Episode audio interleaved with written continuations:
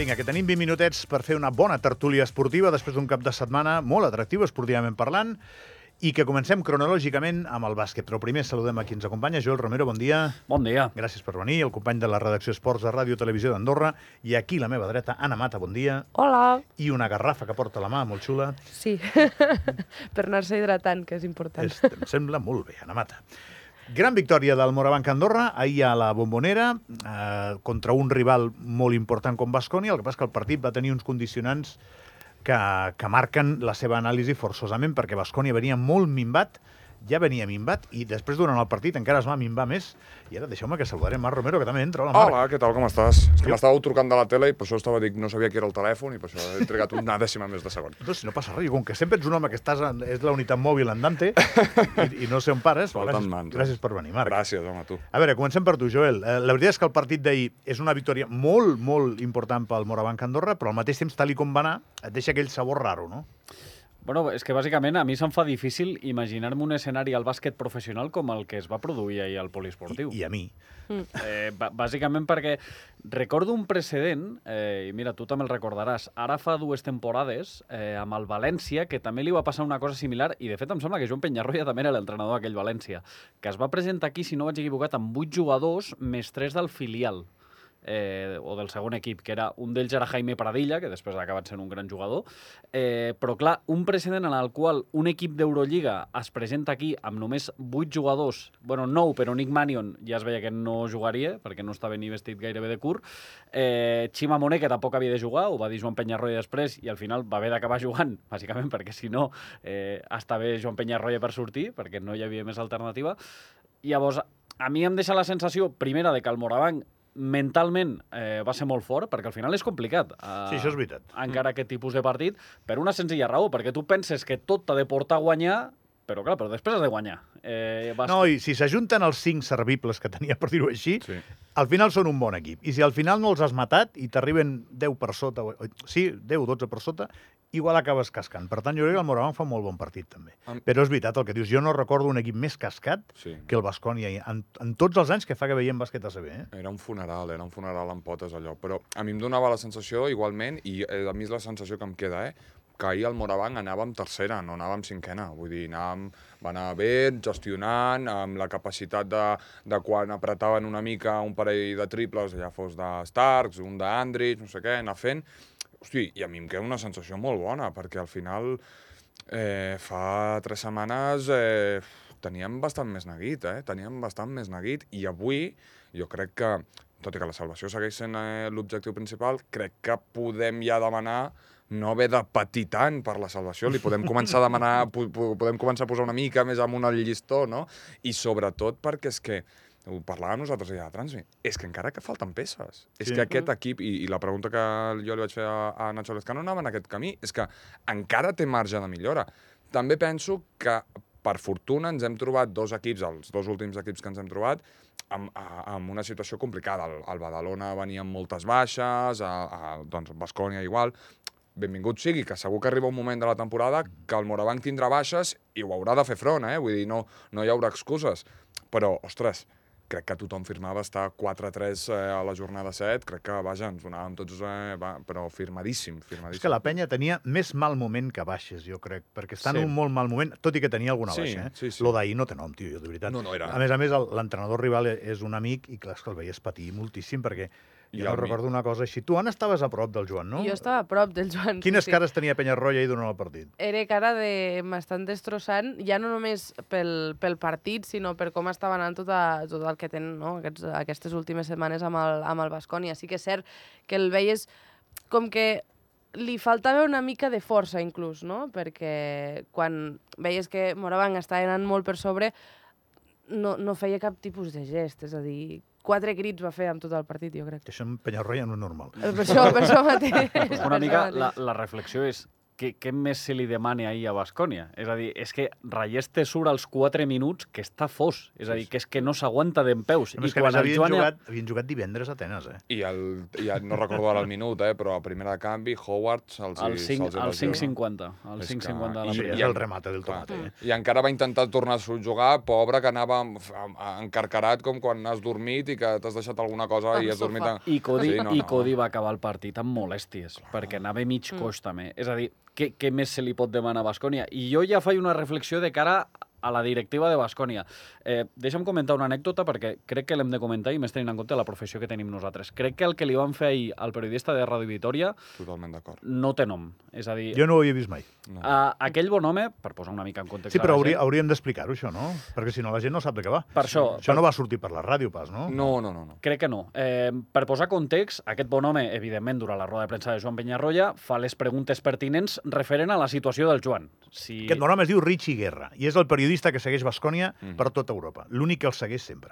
Exacte. Eh, ell fa les preguntes que considera pertinents, evidentment, perquè la situació del Joan és la que és. Ja fa una setmana i mitja que està posat sobre la taula que ell no continuarà, és a dir, que està entrenant Bascònia, però que no continuarà perquè hi ha un senyor que es diu Dusko Ivanovic que teòricament ha d'afrontar la quarta etapa en Bascònia. De fet, hi ha hagut informacions que diuen que ja està cessat, tot i Des de que... fa una setmana. Sí, sí, és a dir, que ja està fet el contracte de Dusko Ivanovic.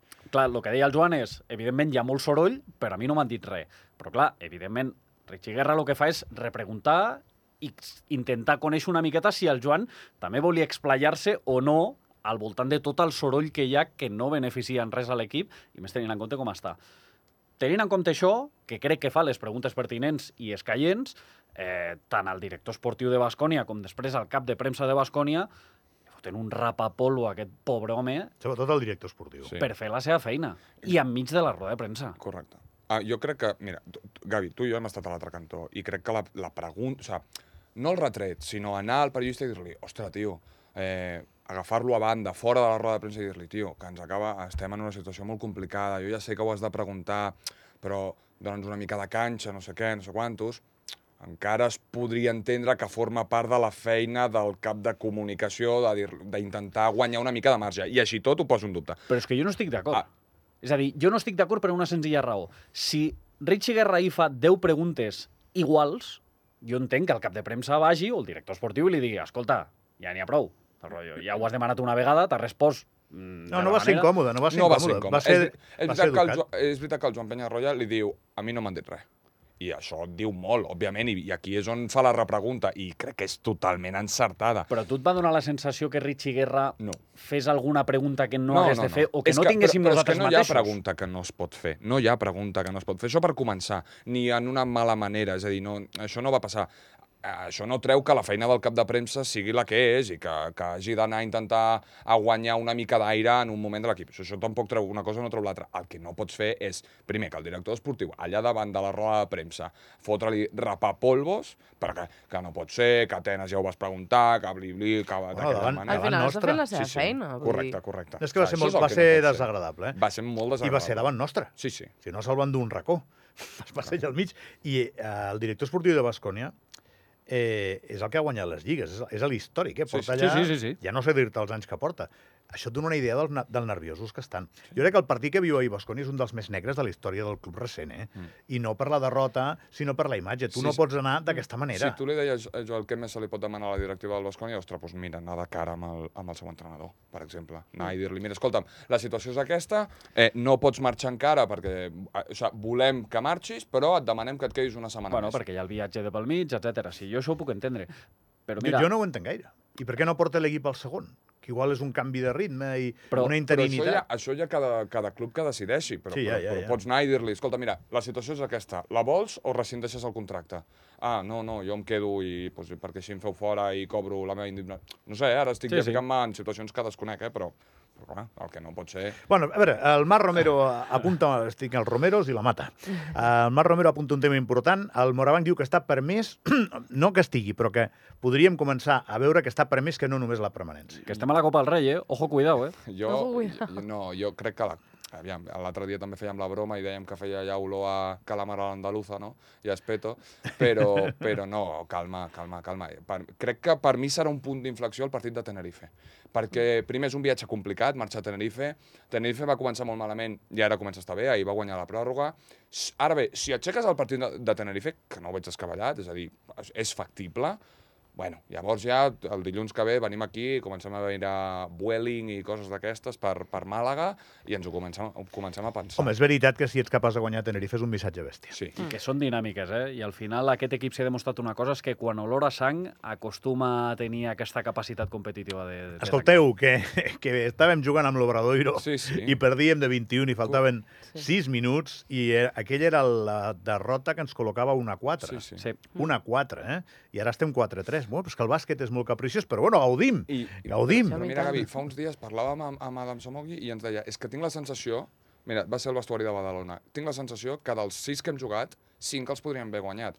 Perquè el Palau es podria haver guanyat Sí. i perquè Rio Breogán aquí a casa, ostres, és la derrota que a mi encara em pesa de pensar, hosti, és que estaríem ara amb cinc victòries. Això parla bé de l'equip. I és tant, i tant, i tant, i tant. I tant. Anna Mata, grandíssim partit canviant de, de tema del Futbol Club Andorra Mm. eh, contra el Llevant. L'equip va funcionar molt bé eh, i tothom que va veure el partit crec que se'n va anar contentíssim perquè a més el rival era de, de molta entitat. Home, sí, la veritat I a és veure si sí, endevines el que va dir Der Sarabia. que estava molt content. Evidentment.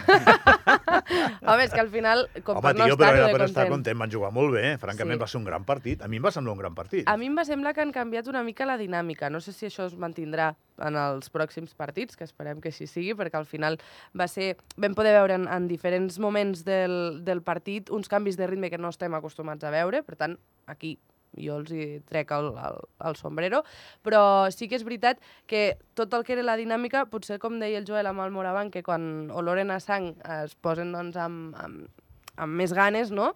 En aquest cas era, era un important, no? Perquè el Llevant al final està mm, molt més amunt que nosaltres i era un cap de setmana important també per treure una, una victòria a casa. Marc, Jo crec que eh, el primer que hem de fer és reconèixer els infidels que no creien en Eder Sarabia.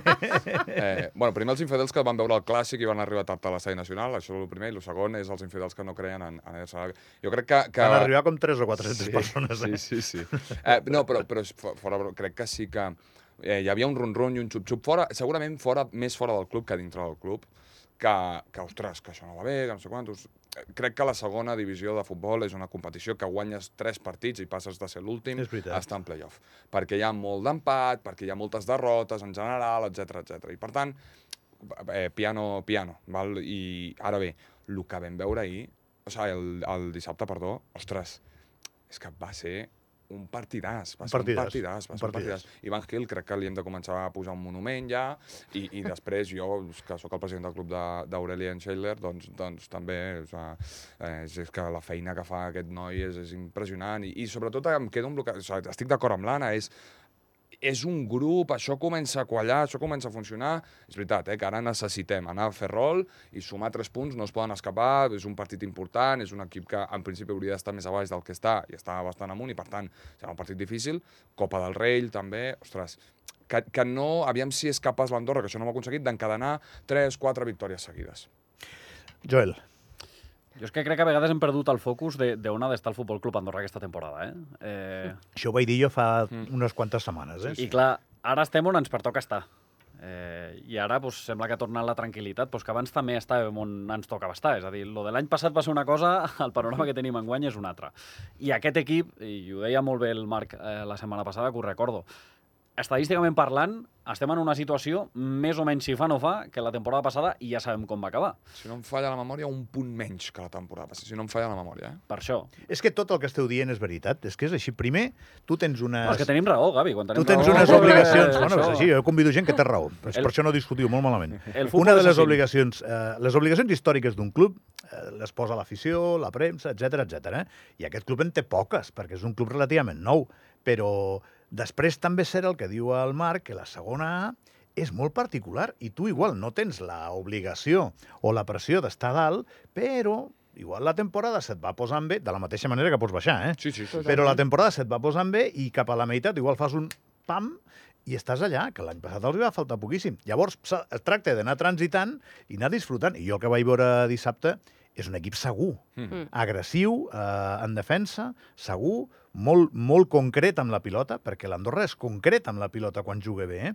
i a mi això em va encantar, la veritat. Eh, El Llevant se'n va anar d'aquí amb un 2 a 0, i jo diria que i gràcies. Sí. I gràcies. Jo, jo crec que a mi, per posar una mica de debat, crec que al mig del camp i la davantera està bastant segura. Jo ja tinc bastant clar quin és l'11 de gala. Em genera més dubtes la defensa. Ja. Sobretot la posició de central. És que jo i, crec que no, no ha quallat l'aposta del club, que era José Marsà, I Arroyo. Jo crec que amb Arroyo hi ha molts dubtes, que ho entenc. Jo hi confio, hi confio, però jo crec que és el nostre Araujo i que no li hem de demanar que tingui la pilota, sinó li hem de demanar que surti a, a trencar alguna cama, perdó l'expressió, però, però perquè ens entenguem, un puntet de, de, de salseo. Però, però sí, és, eh, jo crec que en general els fitxatges defensius no han acabat de quallar. No han acabat de quallar. A mi el que em va sorprendre és les declaracions que vam tenir amb Martí Vilà, entre altres que vam tenir-los a, a la fira el divendres. sí, pobre Martí, El- que no va acabar gaire bé. Eh? No, però a banda d'això, o sigui, el Martí no... Jo no el vaig veure convençut quan li vaig preguntar pel partit, com havien preparat el partit. Em va dir, bueno, haurem de lluitar per, per poder guanyar aquest partit, perquè al final és un partit a casa. És a dir, la, el poc convençut que estava divendres i com els vaig veure en general a tot l'equip el dissabte, a mi em va sorprendre Bueno, és molt. el que diu el Marc, que eh, l'entrenador veu els jugadors cada dia, veu el partit que juguen a Valladolid, en fa una interpretació que nosaltres no hi arribem doncs, perquè no tenim els seus Mm. coneixements i veu coses probablement que la gent igual no va veure. I tenia raó. Allà per sota hi havia un xup-xup de creixement de l'equip que dissabte es veu. Només per donar una dada, l'Andorra és l'equip que més genera, que més, eh, bueno, aquesta estadística que es diu expected goals, que més ocasions de, de gol genera, el que menys transforma, i després el que menys li generen i més li transformaven. Per tant, fins a la data, això estadísticament havia de canviar. Molt important. Joan Verdú està viu, però per poc, perquè ahir va estar a punt de sortir volant Sí. i passar de Suècia a Groenlàndia en, en un... O sigui, És que a més a l'últim tram, eh? És a dir, ell va ser el però primer té que la va... engan- marinera, no? Això és bastant... Mira què passa, Déu-n'hi-do. pot passar, però tant, tant... És que a ell li va enganxar l'últim tram de la seva baixada la ràfaga més forta que va haver-hi en tot Sí. el dia. Sí, sí. De quan era? Sabem, sabeu els quilòmetres hora? Jo la ràfaga no sé, sé que va, el Joan va marcar el pitjor tercer sector de tota la primera mànega, val? és el pitjor temps de tota la primera Estava a punt de frenar. Val? I després, que en velocitat màxima de, de, diguem-ne, de l'esquiador va, es va deixar 5 km per hora respecte al líder, que era Schwartz, si no me'n recordo, si no em falla la memòria. Al final, són aquests detalls de l'esquí, són aquests detalls de l'esquí, però sí, després ja quan vam veure que va volar la típica porta d'arribada, que és aquest inflable, que va volar, això típic d'Audi, no sé què, va sortir tot volant, allà una pila de pistes recollint eh, table, daixonses de banners, per tant, mm, això s'havia d'aturar. A mi sempre em crida l'atenció la, la, no sé com dir-ho, la solidesa mental que has de tenir la gent que competeix a l'aire lliure i en particular la gent de l'esquí si neva, si no neva, si fa vent. Eh, no Quina sé, neu em trobaré, no sé què... Jo no, sé, jo no dormiria, tio. és veritat, l'endemà estic superbé, tinc tots els músculs que estic com un torpedo i va i, i es fot aquesta ventolera. No sé, jo m'enfadaria molt, però bé, per això jo no... Jo faig ràdio i ells són, són esportistes d'elit, perquè això també és un component que, que hi has d'incorporar. Senyors, gràcies. Joel Romero, gràcies, eh? Que vagi bé. Marc Romero, gràcies per venir. Adéu, Gavi. Avui que no estàs por ahí voltant pel món. Fins dimecres, que anem a Estorga. Bueno, L'últim dia estàveu els dos Sí, a voltant pel món. Sí. Anna, gràcies, eh? Sí, anem